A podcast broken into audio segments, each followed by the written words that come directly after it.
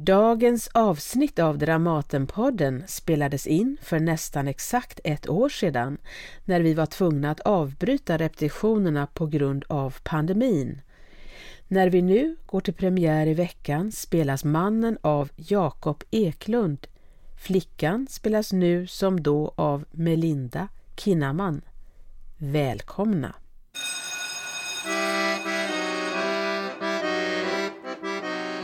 Dramatenpodden!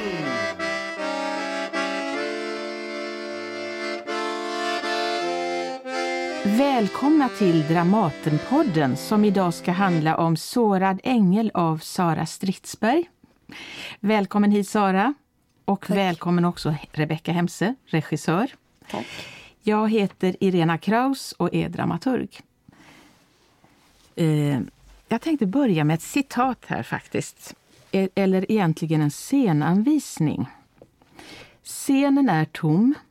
Allt som finns är ljuset och mörkret som försvinner och kommer tillbaka.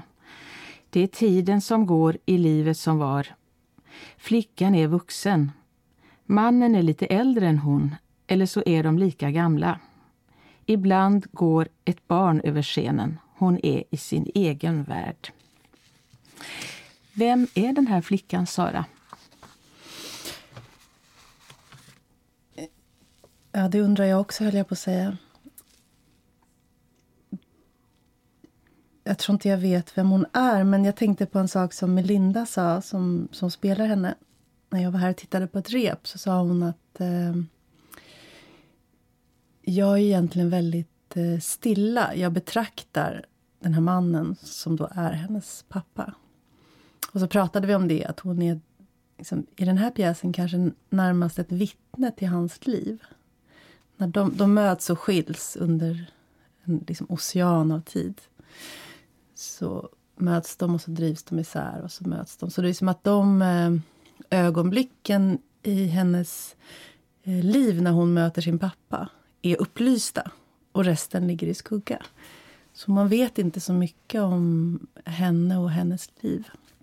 Hon förblir ett sorts vittne som kanske säger någonting om deras relation också. Att hon inte fullt ut träder fram, utan hon, hon tittar. Ja, I den här pjäsen så är hon väl också den hon har blivit med sin pappa mm. genom sitt liv.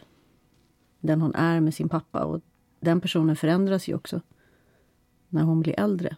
Men att det, det, det är kanske det den handlar om vem man blir vid sidan av någon som är en sån person som just den här pappan är.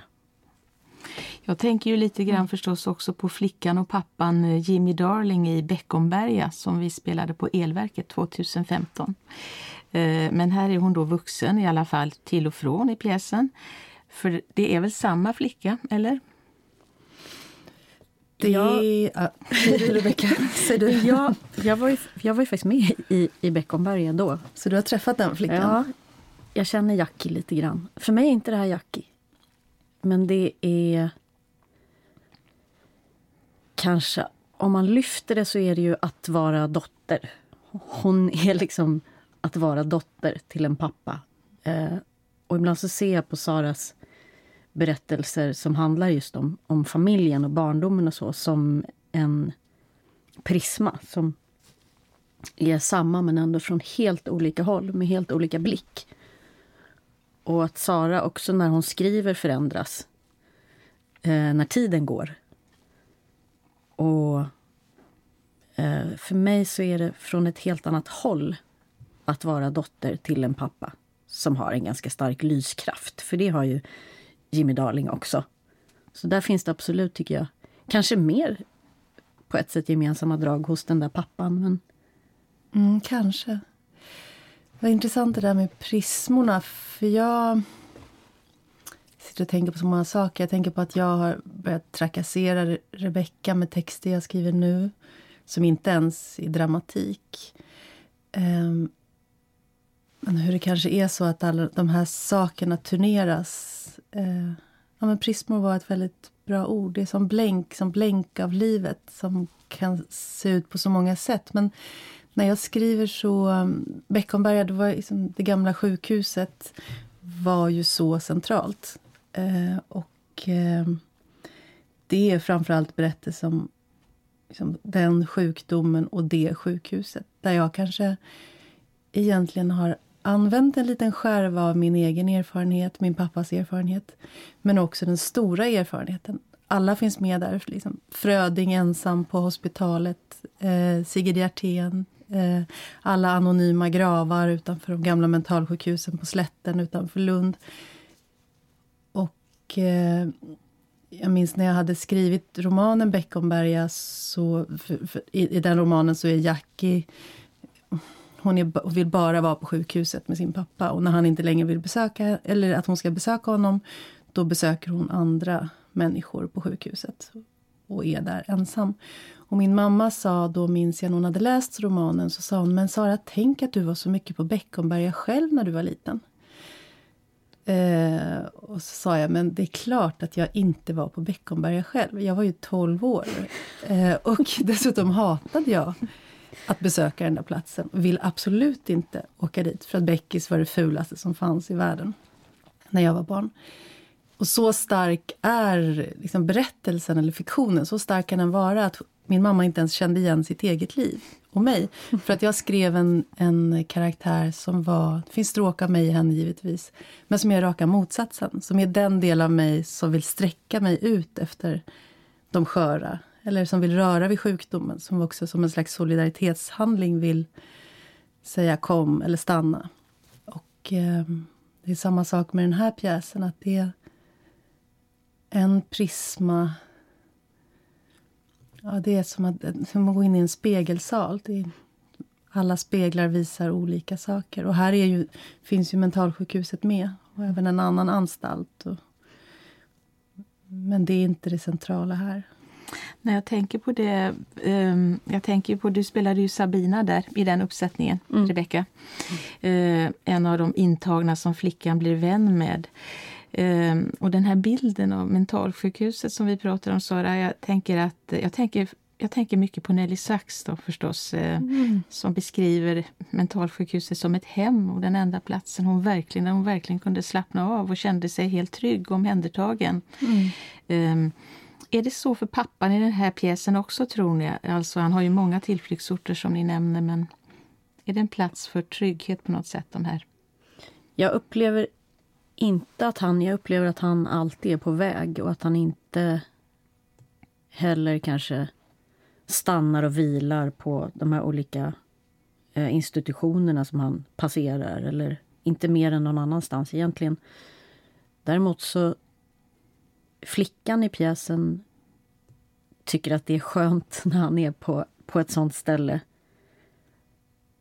och säger också att det, det, var till och med skönt att vara instängd. Hon var där och hälsade på med honom och vistades där. Att man inte behövde ha ett liv, säger hon. Um, och så säger hon, och jag vill inte att du skulle vara ensam. Och så tror jag att det i, i hennes ögon så finns det någonting tryggt och en vila mm. på den platsen. Men jag upplever inte att han vilar någonstans, den här pappan. Mm. Jag tror också att det är så, just apropå de där prismorna, att det här är en annan pappa än Beckis pappa. När vi pratar mm. om det så blir det uppenbart för att den... Eh, pappan älskade ju Beckis på ett vis och för honom var det också ett hem. Nelly Sachs tror jag beskrev det som det himmelska Beckis, det gudomliga Beckis. Mm. Eh, det var den pappan. Det här är en annan pappa som mm. kanske tar avstånd från den platsen mer. Som inte är så sugen på att vara inskriven på ett mentalsjukhus. Det som är så spännande är ju också att för mig som, som håller på med teater och inte med språk och text på det sättet så är ju nu den här pappan är ju Göran Ragnerstam. Mm.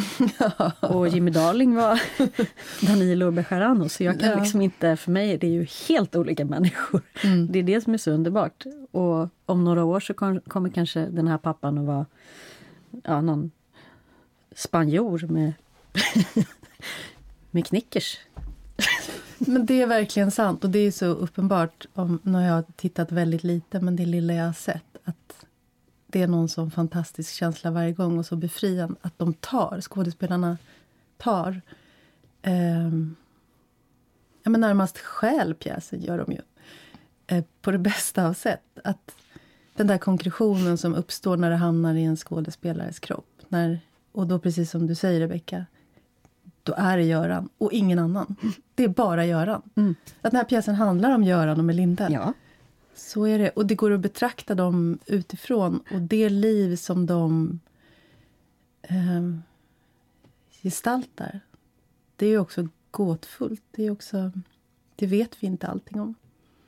Ja, det är väldigt roligt det ni pratar om nu här med rösterna. Därför jag tänker att när man till exempel läser en roman så är det ju sin egen röst man hör i huvudet. Eh, och när man skriver och eh, så, så, eh, så när man skriver en pjäs och första gången skådespelarna kommer in på i rummet på något sätt och man hör deras röster som här med Göran och Melinda, så kan det, det skulle ju kunna krocka. Men hur var det första gången ni hörde dem i rummet? Vänta, ska man in, räkna in läsningen då? Är det första, första läsningen? Gången? Ja, det tycker jag. Mm. Mm. Mm. Jag tycker det har varit så olika, för då blev eh, Göran ju så charmant, eller hur jag ska säga. Och han blev så otroligt eh, charmig i den läsningen. Alltså, det var underbart. Otroligt lätt att älska. Och sen så kom jag tillbaka och tittade på ett rep nu några månader senare. Och då fanns det en annan råhet liksom, som vette mot det, det grymma. Ja. ja. men han, han rör sig ju emellan mm. de ytterligheterna och det är det som är så fantastiskt. Man måste förstå varför han har en sån dragningskraft. Eller, eh, och samtidigt så är det ju en ganska hänsynslös person som mm. står i, i alltings centrum. Um. Och det måste ju vara någon som Göran som då kan också gestalta ömheten eller närvaron. Eh, liksom, vad ska man säga? De små skärvorna av det, åtminstone. Och ta vara på dem. Hörrni, om vi backar lite grann här. Jag skulle vilja prata lite grann om, eh, om nuläget i pjäsen faktiskt. Eh, vi rör oss ju fram och tillbaka i tiden rätt så mycket och eh, Eh, du Rebecka, du har ju till och med gjort en fin timeline här som jag fick ta del av där man ser exakt. Nu är det det årtalet. Då är mannen 60, här är flickan, kvinnan 42 och så vidare. Men, men, eh, men vad, är det för, vad är det för nuläge i pjäsen, Rebecka? Vad skulle du säga? Jag skulle nog säga att... För det första skulle jag säga att de där årtalen och åldrarna är är också lite flytande men samtidigt så har det varit roligt för oss i arbetet att vara väldigt konkreta och nästan lite...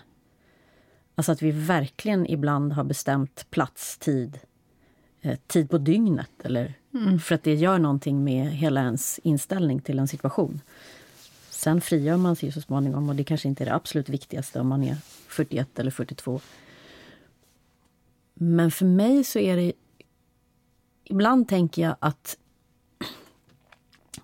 perspektivet är ju en vuxen kvinnas perspektiv. Och det är också viktigt för mig och har blivit mer och mer att det är hennes minnen. Det är inte hans minnen. um, och hon ser tillbaka från en plats som jag tänker mig är någonstans idag. Där vi är nu. Um, det det är svårt att formulera. Antingen så kan det vara ett, ett perspektiv som är bara ett, ett rum som är bara hennes som mentala rum, hennes tankar, hennes minnen. När han är på väg att dö eller när han precis har dött. Um. Mm. Det finns ju en sista scen som utspelar sig efter hans död när de hänger runt i kyrkan och han ligger lik i kistan. Och de har ett sorts sista samtal. För egentligen så är ju pjäsen liksom deras samtal genom livet. Kan man säga. Det är ett enda långt samtal. Mm, jag skulle precis fråga dig det, Sara. Mm. Alltså, är tiden viktig på det sättet? Nu tror jag att pjäsen som den är skriven, eh, den svävar ensam i, eh, någonstans i universum liksom, utanför tiden. eh, det är ett sorts evighetsperspektiv som... Eh, där allting redan har hänt. Det finns inga hemligheter att avslöja. Det finns ingenting mer som kan hända. Allt har redan inträffat. Ja, förlåt, nu bryter jag dig. Så, ja. Men det är precis det jag tänkte fråga faktiskt. Ja. För att det, det är ofta så i dina romaner också att det mm. finns en slags evighetstid när allt redan har hänt. Mm. Och det har du ju på något sätt gjort här också då. Mm.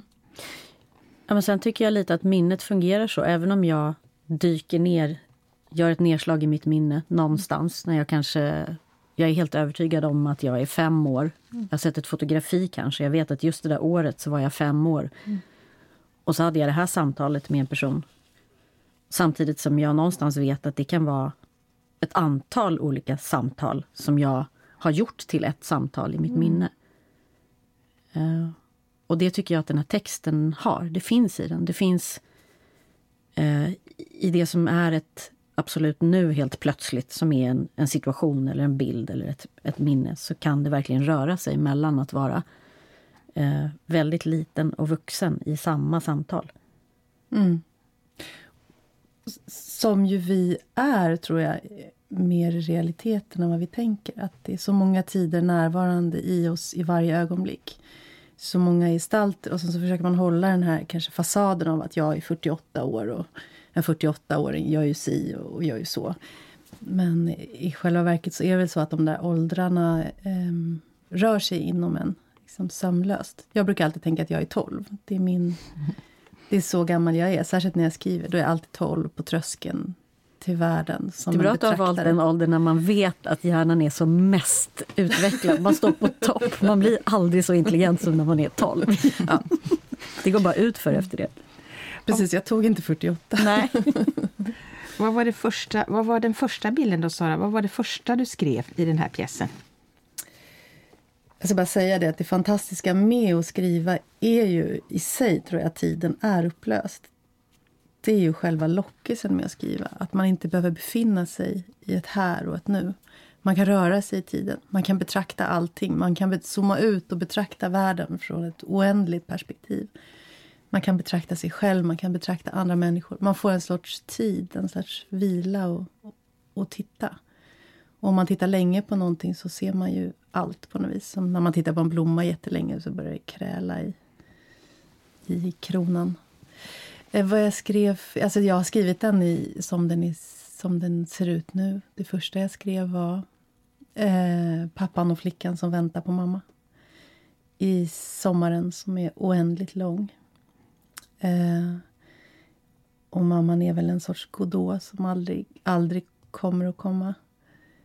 Eh, nu kommer mamman i den här epilogen som Rebecka eh, inte vet om, om hon ska göra till en verklig scen eller om det ska vara ett sorts eko eller om den inte ska spelas alls. Kanske som ett mm. ek, finnas som ett eko i arbetet. Eh, då kommer mamman till, till pappans begravning. Då har han bett henne komma och flickan har sett till att hon kommer.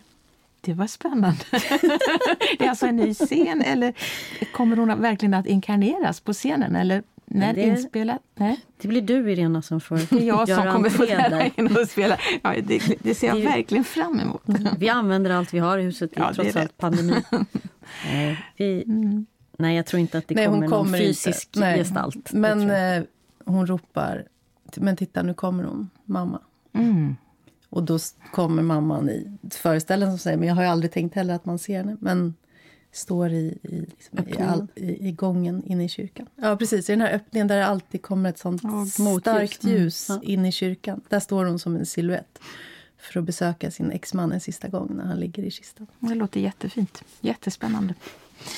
Rebecka, du sa någonting som jag tyckte var väldigt spännande när, vi, när, vi, eh, när jag var på någon repetition någon gång här. Men scenerna är ju rätt så, ibland är de rätt korta och de innehåller samtidigt väldigt mycket ju. Um, ja, nu borrar jag i det här igen då, men vi har ju också ett rum som faktiskt inte hjälper oss särskilt mycket om vi ska orientera oss i det. Det finns ett vitt, det är ett vitt rum som Bente Lycke Möller har gjort och eh, så finns det ett kylskåp mitt på scenen. Men eh, du beskrev det som att man kommer var är vi någonstans, tror jag att jag sa. Och då sa du, nej men vi kommer rätt in i ett pågående. Mm. Hur, hur, tänker du kring det? Ja men det är väl att jag tycker att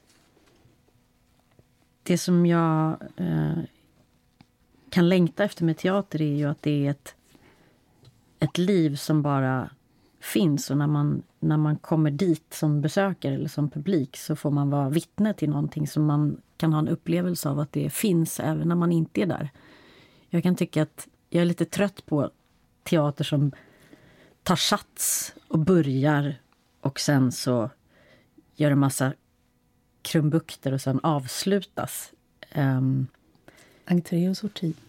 Ja, ja det, det är så svårt att formulera tycker jag. jag. Jag bara längtar efter att man ska känna sig som att man får vara med om någonting som skulle vara där även om man inte ens var närvarande som publik. Och det passar ju väldigt bra nu när vi lever i den här tiden när vi kanske inte ens vet om vi har någon publik.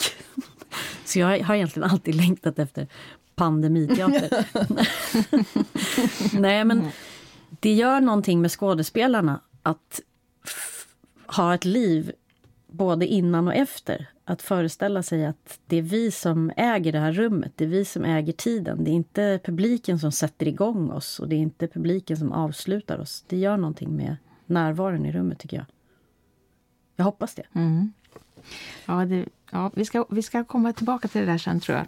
Men eh, jag vill fråga dig en annan sak här, Sara. Eh, Får jag, bara säga en sak först om rummet? För jag, jag tycker att det här rummet med sån precision gestaltar just den här tiden alltså, som jag har en så stark känsla av när jag skriver. Att det är... Eh, ja, men det här, jag vet inte om ni nämnde det starka vita ljuset. Men att man är på en plats där liksom, konturerna av världen inte riktigt kan skönjas. Alltså där ljuset är så starkt att de, de har frätt sönder det som finns. Alltså träd, hus, mm. lägenheter. Det är platser. egentligen konturerna av människorna som är ja. det viktiga. De blir ju också väl, de framträder väldigt tydligt. Ja. Och det som är att de är ensamma i sin himmel på ett vis. Jag tänker på det som en himmel. Um, och um, himmel då i dess vidaste bemärkelse eh, ett sorts eh, liksom, icke-existerande landskap där allting är komprimerat. och där bara, Jag tror att det sägs någonstans i pjäsen att det inte finns någon att ringa. Eller är det en annan pjäs jag skrivit kanske? Nej, det finns inga telefoner. Det finns inga telefoner, det finns ingen att ringa. Det går inte att få kontakt med yttervärlden. Eh, trots att andra människor rör sig in till dem. De är isolerade i sin e-, Det är kanske det mest centrala i pjäsen, att de är ensamma om sin värld. De är ensamma med varandra. Och egentligen det är det också bara utvägar. språk. Alltså mm. Det är ju också det till slut, mm. kan jag känna. Att det är språk. Språk och kylskåp. Ja. Språk. det är det man får. ja, nej, men, eh, Sara, jag lyssnade på någon intervju här med dig eh, som du gjorde här nyligen och då pratade du där om att den här rösten inifrån när du skriver. Mm. Och talar om att vi har många röster inom oss såklart men att ju längre jag skriver, säger du, desto bättre blir jag på att lyssna på andra röster än min egen. Och det är något du har lärt av dramatiken, säger du där. Mm. Eh, ger dramatiken plats åt flera röster i en berättelse? Apropå språket. Då. Mm. Jag tror att jag egentligen liksom hittar plats i, i romanen också för väldigt många röster. Jag gjorde en intervju igår om en gammal roman som kommer ut i Spanien nu. Och eh, Då pratade vi just om det där med rösterna. Att jag hade gett röst till någon som var till synes så olik mig. Och För mig är det så självklart att att hon, den människan, fanns i mig, gick att finna i mig. Alltså så som skådespelare arbetar hela tiden. Man finner raseriet i sig. Om man inte har raseriet, då finner man det. För det finns. Allting finns. Det är bara en sorts slump att eh, vi blir de vi blir. Jag är nästan 50 och tycker att jag liksom tittar tillbaka så mycket på liksom, all, alla som var med längs vägen. Eh, och deras vägar och min väg. Och... Eh, jag är alla dem. Ehm, jag är alla de gestalterna, precis som att alla tider finns gestaltade i mig. Jag är eh, 15-åringen som låg och solade solarium. Hon är lika levande i mig som, som den, den som sitter och pratar här.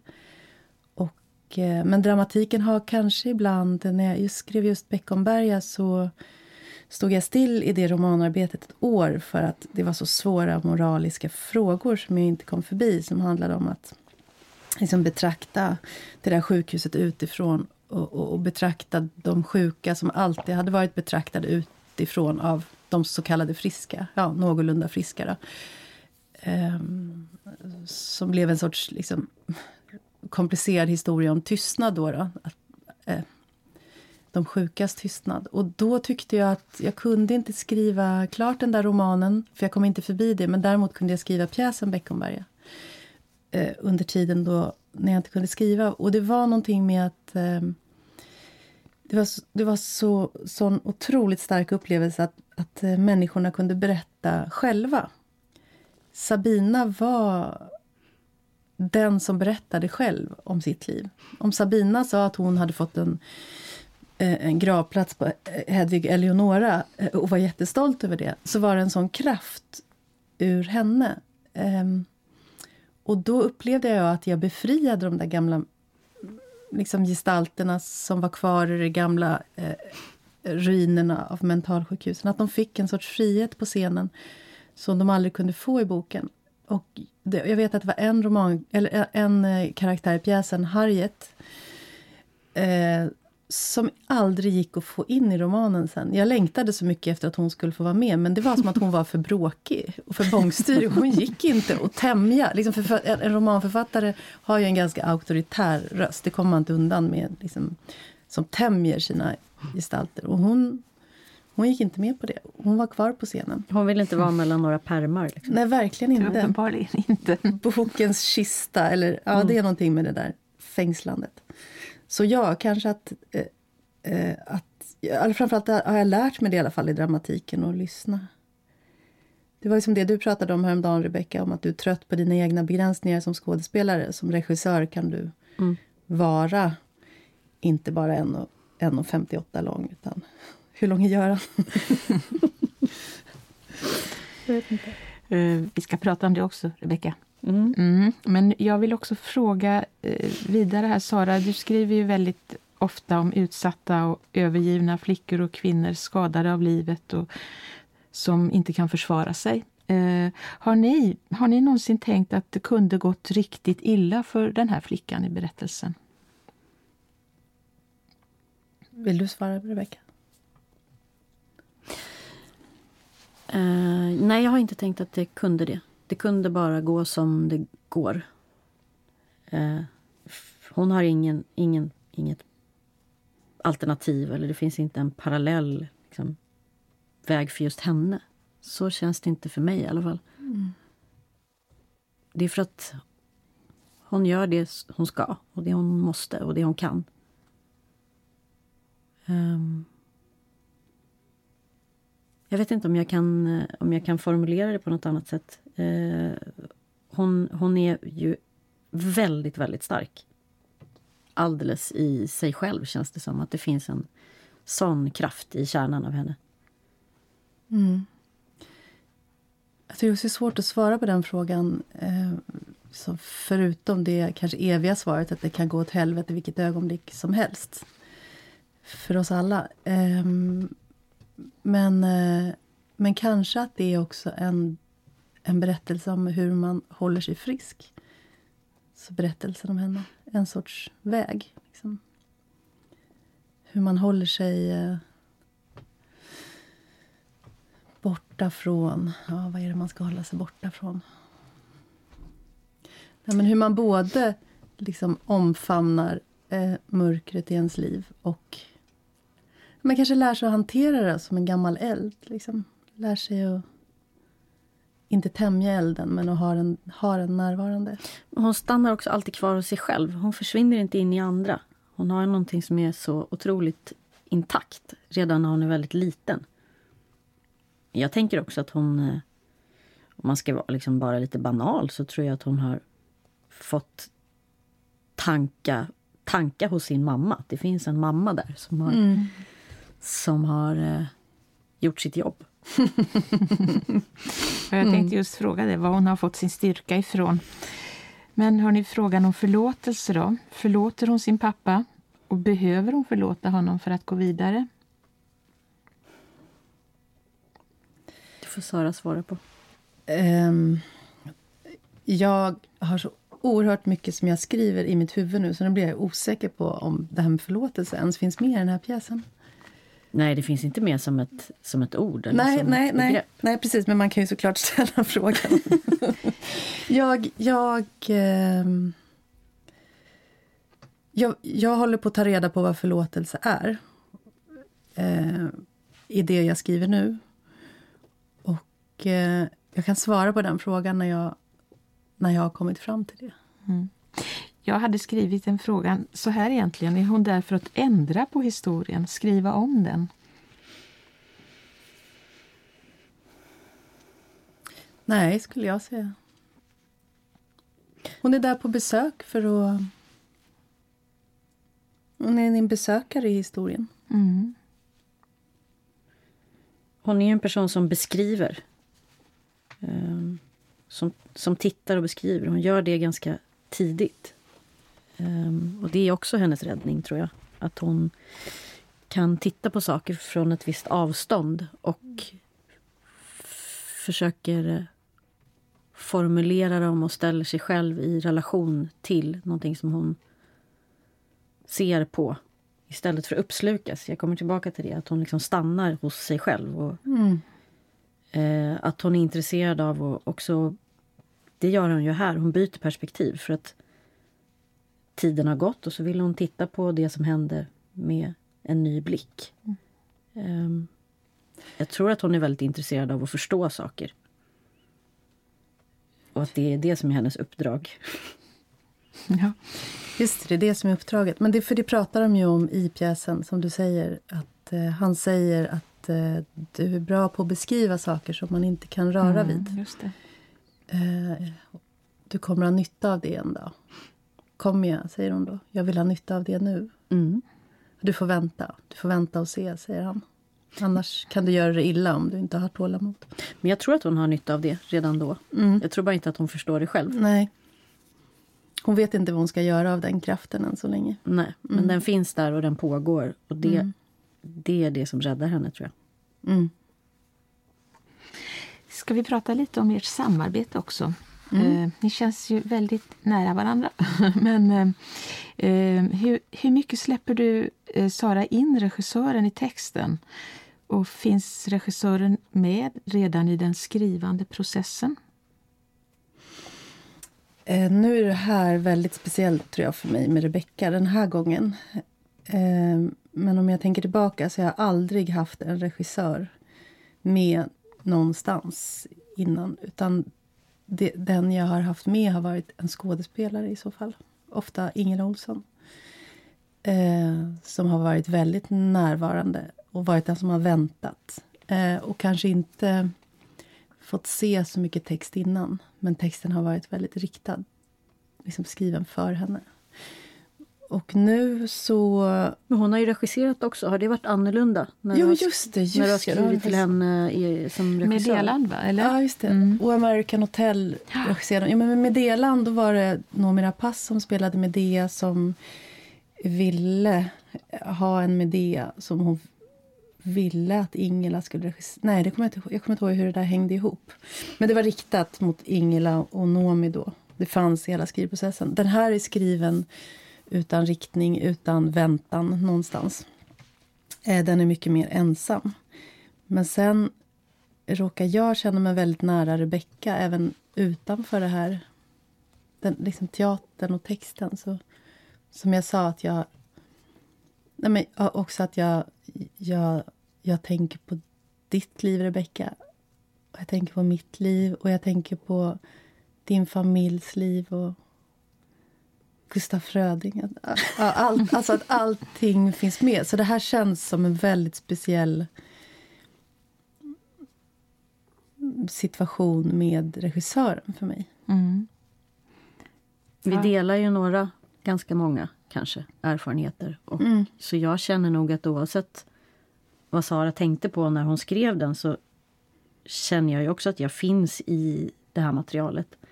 Men å andra sidan så visar det sig ju att det är ganska många människor som finns i det här materialet. Eh, både Göran och Melinda och eh, kanske Irena Kraus och några till. Ehm, så det, det råkar ju vara så att det alla har varit barn och de flesta har någon förälder och så vidare. Mm. Men, men vissa, vissa beröringspunkter finns ju och fanns redan när du skrev den. Mm. Så jag känner igen saker som står där. Mm. Mm, jag tänker också så när jag, när jag läser den. Alltså jag tänker att det finns starka beröringspunkter mellan er verkligen där i pjäsen. Mm. Men jag tänker också Sara att den känns ju... Det är klart att man läser naturligtvis den också rätt så som att den är väldigt självupplevd från, di, från ditt håll som författare. Är det besvärande tycker du att man kan tänka så? Nej, jag tycker inte att några tolkningar är besvärande. Jag, mitt svar brukar alltid vara på något vis, kalla mig vad fan ni vill. Ni kommer aldrig få veta mitt riktiga namn. Att eh, Jag har fått så många etiketter på det jag skriver och så många idéer. och Jag kan inte förhålla mig till det riktigt, men jag kan känna, däremot känna mig vidöppen. Jag tänker att det, folk får tänka lite vad de vill. Tänker jag. jag. Jag lägger inte mig i det. Men sen kommer jag tänka på eh, alltså Rebeckas plats i mina texter. Jag tänkte på den senaste romanen jag skrev, Kärlekens Antarktis. En av de eh, liksom, punkterna där det började, det var när Rebecka står på scenen på elverket som Sabina i kjol och baddräkt, tror jag. Och, eller, kappa och baddräkt. Kappa och baddräkt, just det. och, eh, och är på väg att liksom glida ut ur den här världen. Um, och när hon, hennes slutord är det kommer att vara som att jag aldrig har varit här. Och sen, sen försvinner hon den, den hösten. Så jag tror att hon hänger sig i ett träd, jag minns inte nu. Men, eh, och de, Rebeckas... Jag hade skrivit Sabina visserligen.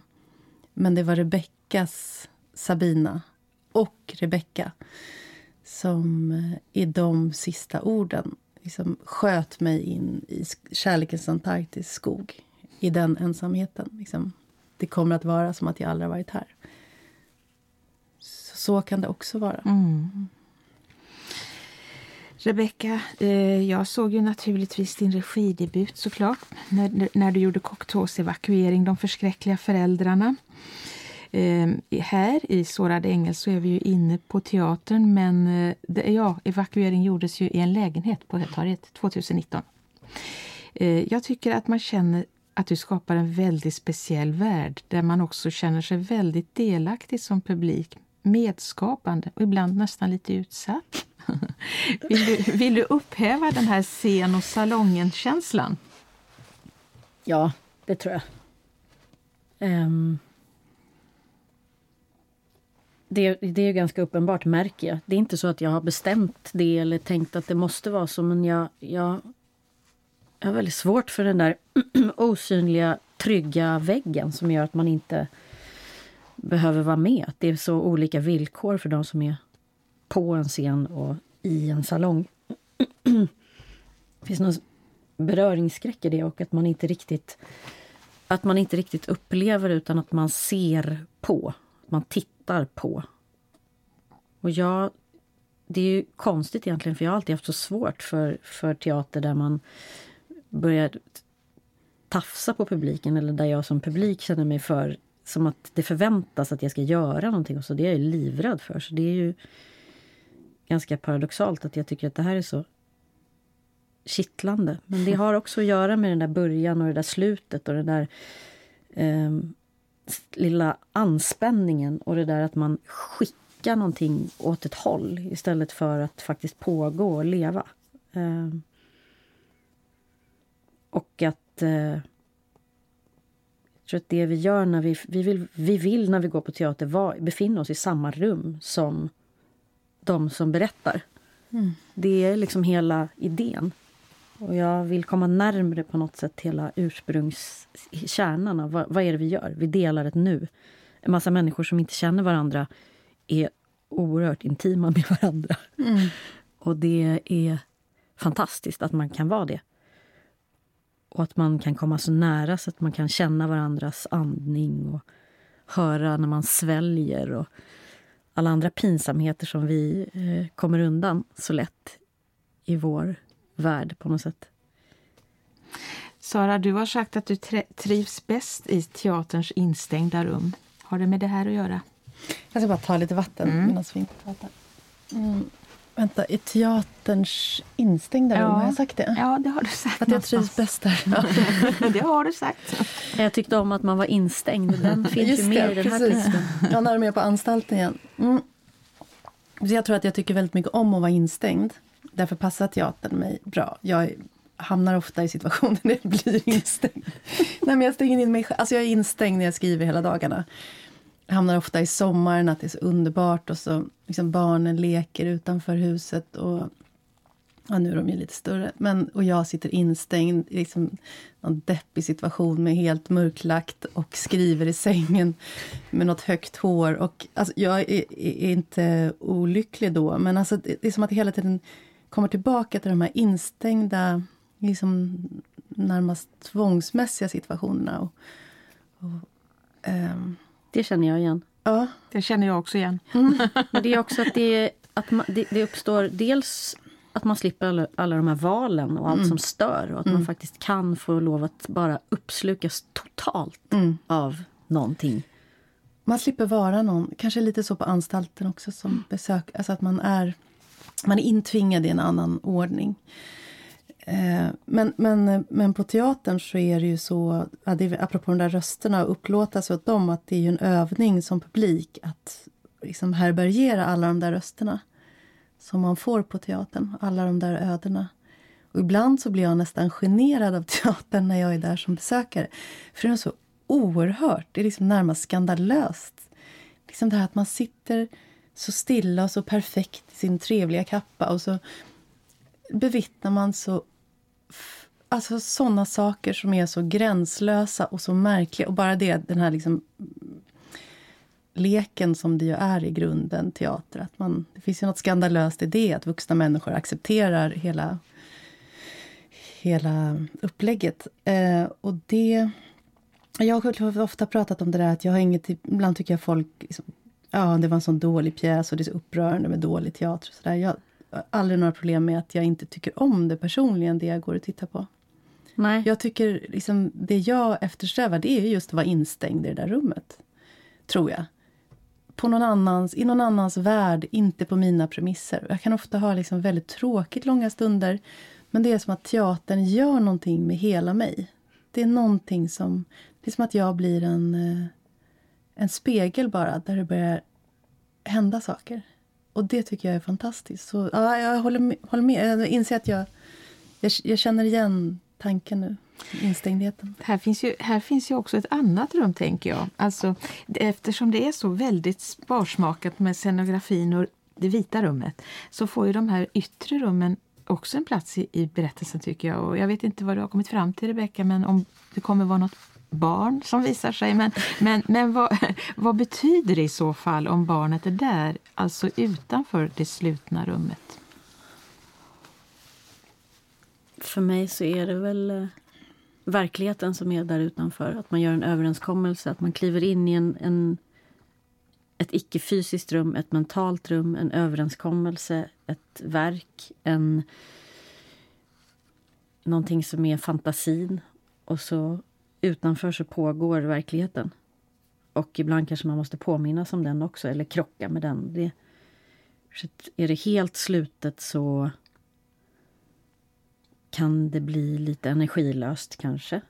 Eh, och jag är hela tiden ute efter den där genansen som du pratar om mm. också. Jag, och jag önskar att det skulle få vara så i mycket högre utsträckning med teater också. Att det inte handlar om att göra någonting färdigt och och bedömningsbart överhuvudtaget. Utan att det just är en upplevelse som människor delar. Och att i den upplevelsen så finns det inga rätt och inga fel överhuvudtaget. Det finns bara eh, människor som försöker eh, en massa saker. Försöker förmedla någonting med eh, alla sina tillkortakommanden och brister. Eh, jag tycker det är så sällan man också får vara generad och blyg. Mm. Jag tycker att det är någonting som vi hela tiden flyr. Det är så svårt, särskilt för oss i vår liksom, ordnade värld här när vi är så privilegierade som vi är. Um, du sa ju något jättefint där på, det var något produktionsmöte tror jag som jag följde online där. Men där sa du, på någon, vi hade en slags kollationering online ju, då sa du att eh, den här tiden som är så speciell här, den eh, eh, får, alltså du, vill, du såg eh, möjligheter i det snarare än, än eh, begränsningar. Alltså vi har tid för en gångs skull, sa du. Eh, vi behöver inte tänka på prestation och vi får se var vi landar. Mm. Ja, men att, vi, eh, att det pågår en pandemi som gör att vi inte riktigt vet hur vi kommer att möta publik och när vi kommer att möta publik. Eh, och apropå då det där med början och ett slut och Eh, en liten lätt liksom, anspänning eller en grotesk anspänning så tror jag man kan hitta en frihet i eh, att det här är någonting som också bara går att fördjupa. Det är inte så att det är färdigt. Det finns inget färdigt överhuvudtaget. Eh, det, det är väl kanske det jag har svårast för med, med teater. För för mig så är det egentligen den, den, den, stora friheten med teater är ju att det inte någonsin kan bli färdigt. Det, det kan ju ett måleri eller en, någonting som man spelar in och bevarar eller även om upplevelsen sen såklart lever hos den som tar emot. Men teater är ju det, per definition eh, alltid i rörelse. Det, det, finns inte en möjlighet att liksom stanna av och konservera det. Mm. Så det är klart att ja, nu sträcker det sig så här. Ibland kan jag tänka att saker går fortare. Att man vill eh, låta folk delta och uppleva och se det man håller på med jättetidigt. Eh, alltså det vill säga att man möter publik innan man ens vet vad man håller på med. För den, det stadiet är också jättespännande att vara med i som vittne. Så ja, det kanske låter för flummigt men jag tror Nej, att jag kanske lyckas uttrycka flummigt. någon slags längtan efter... Jag tänkte fråga dig Sara, har du en idé? Tänker du också så inför ett nytt stort projekt? Det finns ju en väldig öppenhet i det där du beskriver menar jag. Men har du en idé från början i var du ska landa när du börjar skriva på någonting? Jag måste bara säga om det här med teatern, för det är också eh, hur fort det har gått det här året med att ändra saker. Eh, som teaterns plats i världen till exempel. För när vi gjorde en intervju häromdagen, jag och Rebecka, om pjäsen, då var det en så stark känsla av att vi satt och pratade om en svunnen tid. Vi mm. satt och pratade om hur det var förr när man spelade teater. Alltså, mm. Som att vi... Nu pågår ju allt det här arbetet här. Det är så mycket mer eh, påtagligt för er än för oss andra som liksom inte ser teatern leva. Mm. Det var märkligt. Det kändes som att vi pratade om en, konstform som hade funnits för flera hundra år sedan. Men, och sen tänkte jag på det där med rummet bara. Att det är ju också en väldigt stark känsla av utsatthet i det där rummet som jag tycker är större än i evakuering. Även om det var mer okontrollerad, var en väldigt okontrollerad händelse, evakuering. Som publik så, så, så blev man liksom lite vård, vårdslöst behandlad. Men här är det som att det finns en annan... Eh, jag har ofta tänkt på Sarah Kane och hennes liksom vision, den brittiska dramatikern, hennes vision om att, eh, att gå på teater ska vara som att, en sån fysisk upplevelse som att trilla rakt ner för en lång trappa. Um, och uh, jag tror att det där rummet, Nu kanske jag är särskilt berörd av den här pjäsen då, men det där rummet är som att trilla ner för en trappa, nästan. Att det är ett farligt rum. Liksom. Det är ett väldigt vackert rum, men det är också farligt. Men man känner sig också väldigt hjälplös inför det rummet därför att ja. man inte har någonting att gripa tag i. Nej, man har det där jävla kylskåpet och det är allt. Mm. Liksom. Ja. Eh, och sig själv då möjligen. Och då faller man bara rakt bakåt, inåt i sig själv. För det finns ingenting annat. Alltså för om, man ska, om man är väldigt eh, orolig eller väldigt liksom, på gränsen så ska man ju röra vid någonting. Alltså till exempel måla naglarna för att så här, återknyta kontakten till eh, verkligheten. Det konkreta. Och jag tror att det är det som saknas lite i rummet. Mm. Alltså att man har inte de vanliga hållpunkterna att titta på. Där är bordet, där är stolarna, där är mattan. Där är de trevliga vaserna och allt det här. Däremot vill man ju väldigt gärna skapa det hela tiden mm. för sin inre... Mm. Alltså, ja, ja. Man famlar ju, man vill gärna inbilla sig att man ser liksom, precis. Jo, men nu sitter de eh, ett möblemang. Ja. Ja, nu, ja. precis. Man, det tycker jag också är, är, fint, att man måste jobba lite. Men det, det är klart, det, det är väldigt krävande på ett sätt. Jag hoppas att det också ska bli lustfyllt och överraskande och roligt. Mm. Men, men jag känner också att vi, det är lite fritt fall på ett sätt och mm. man svävar och vet inte riktigt var man ska hamna. Mm. Men det är bara att försöka dela med sig av den upplevelsen. Mm. Jo men det där om jag vet vart jag ska landa, mm. nej det vet jag aldrig. Jag, har inte, jag vet aldrig någonting. Överhuvudtaget. Och jag tillåter mig själv att inte veta någonting. Väldigt, väldigt länge. Eh, och skulle jag behöva veta någonting innan jag skriver en pjäs eller en roman, då skulle jag få enorma prestationsbesvär tror jag. Om jag skulle liksom mm. ha en hel eh, pjäs i, som var färdig i mig, som jag bara skulle anteckna ner. Så det finns i stunden, alltså i, i det där lyssnandet bara. Att lyssna på alla de röster som ger sig till känna. Eh, inom mig och även utanför mig. Alla röster som hörs överallt. Liksom hela kakafonin som är, som är världen.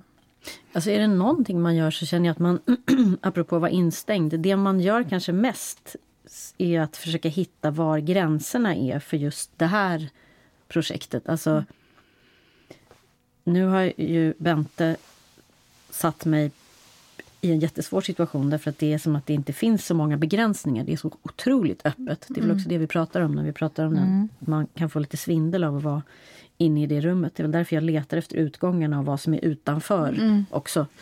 Att bli, bli liksom, få någon slags studsa mot någonting som är väldigt konkret. Um, men det var ju väldigt skönt om jag var i en lägenhet där, där förutsättningarna var väldigt, väldigt bestämda. Vi var väldigt begränsade. Mm. Mm. Det arbetet på ett sätt gjorde ju det sig självt. Därför att vi bara gick runt och undrade var är väggen, var är dörren, var tar det slut, var hör vi inte varandra? Eh, liksom utforskade den där lägenheten till bristningsgränsen och sen var vi bara där. Men utforskar man det här rummet till bristningsgränsen så finns det nästan ingen gräns. Det, ja, det är bara evigheten. Ja, Eller det är just det att man ramlar inåt i sig själv då. Mm. Voltar mm. på sin egen insida. Och då måste man stå ut. Och det tror jag är liksom att komma över den gränsen där man står ut med sig själv. Mm. Och sina egna... Allt det man kanske skäms över eller är rädd för. Eller, mm. eh, det är kanske det det här handlar om. Också texten. Men jag har ofta den känslan när jag skriver som mest intensivt att jag liksom tittar upp så här och sen så är jag helt eh, fascinerad av att allt står kvar. Så där är bordet, där är soffan, där är taket. Där är, för att det är någon känsla av att lösgöra sig så starkt och börja...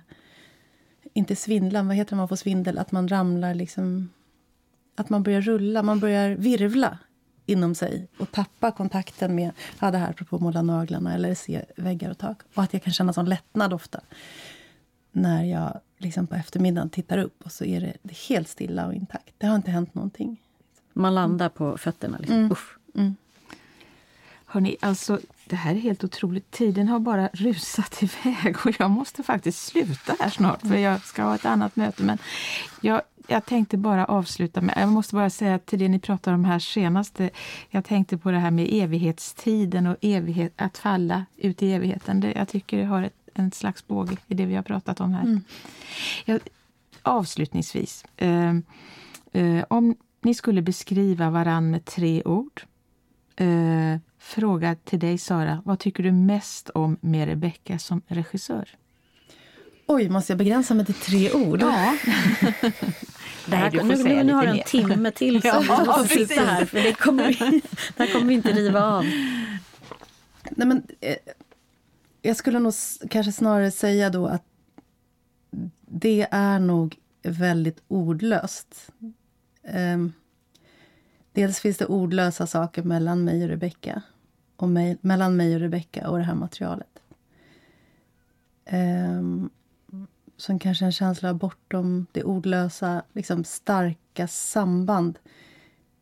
Det är också en sak med att skriva som jag antar att det är samma med att regissera och spela som skådespelare. Att man... Eh, världen är plötsligt full av samband. Eh, nästan som man liksom drar ner guld så här till slut. Man drar i trådar som på tivolit och så ramlar det bara ner guld. Eh, så tycker jag Rebecka är full av samband och guld. Och Mm, jag kan- Rebecka, vad träffar dig direkt i Saras texter?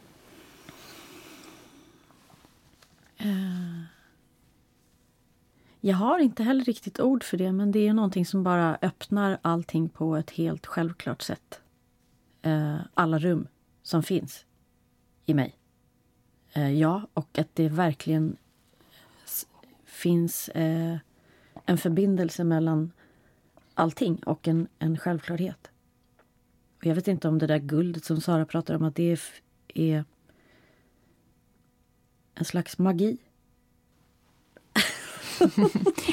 Hörrni, tusen, tusen tack. Vi får återkomma med exakt premiärdatum för Sårad ängel men vi kommer i alla fall att ha någon slags premiär den 23 april, eller hur Rebecka? Vi kommer ha en, en dag den 23 april när vi säger hej då till alla som har försökt hjälpa oss och, och skapa de bästa förutsättningarna. Alltså rummet och ljuset och musiken. Och sen kommer vi fortsätta jobba. Mm. Och vi får helt enkelt hålla utkik på Dramatens hemsida om mer information där. Flickan spelas av Melinda Kinnaman och pappan görs av Göran Ragnerstam. Bente Lycke Möller är scenograf. Jens Setzman är ljusdesigner. Kompositör är Sibyl Attar. Tack Sara, tack Rebecka för att ni ville komma hit. Jag heter Elena Kraus, jag är dramaturg. Och så, som avslutning tänkte jag att vi skulle lyssna på ett musikaliskt tema av Sibyl Attar. Eh, Dream State. Tack för att ni ville lyssna. Ni har lyssnat till Dramatenpodden i en inspelning från mars 2021. Nu på fredag 25 februari är det äntligen urpremiär. Mannen spelas av Jakob Eklund och flickan nu som då av Melinda Kinnaman. Föreställningen spelas under februari-mars och sista föreställningen är 20 mars. Hjärtligt välkomna!